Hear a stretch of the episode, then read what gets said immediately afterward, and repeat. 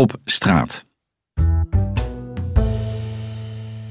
Benny was zonder meer een van de stoerste gasten die ik ooit in mijn kantoortje heb gehad. Zowat even breed als lang, biceps vol tatoeages, dat soort werk. Type vrachtwagenchauffeur, precies zoals zijn cv ook zei. Het enige wat niet klopte aan het beeld, hij was gebracht door zijn vrouw. Hoge hakken, hoogblond haar. Want bij Joyceline in de auto gaat het nog net. Benny had 15 jaar lang op de weg gezeten.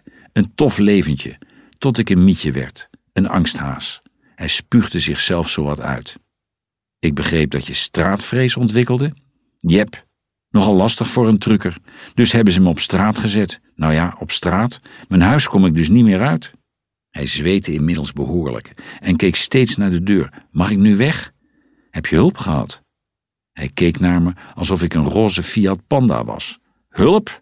Als je bedoelt dat ik op netwerkcursus en sollicitatieles moest, nou, dan hebben ze me grandioos geholpen daar bij het UWV.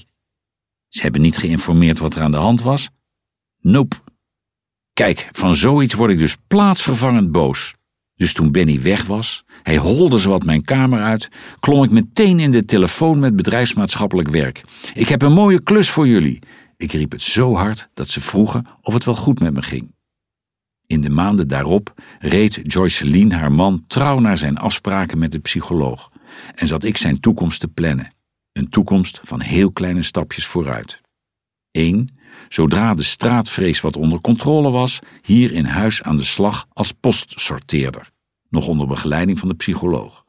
2. Als dat goed ging, hier af en toe een klein stukje naar buiten, 5 meter, 10 meter enzovoort, maar wel begeleid.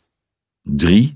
Wie weet kon hij daarna eerst heel voorzichtig in de directe omgeving wat post gaan bezorgen. Het duurde langer dan ik had gehoopt, maar uiteindelijk lukte het. Benny doorliep 1 tot en met 3, ging vervolgens zelfs mee met een groepsdetachering, post sorteren bij een van de grote landelijke jongens. Ik verloor hem een tijdje uit het oog, maar onlangs zag ik hem rijden. Rijden, ja, als chauffeur, achter het stuur van een parketpostbestelbus.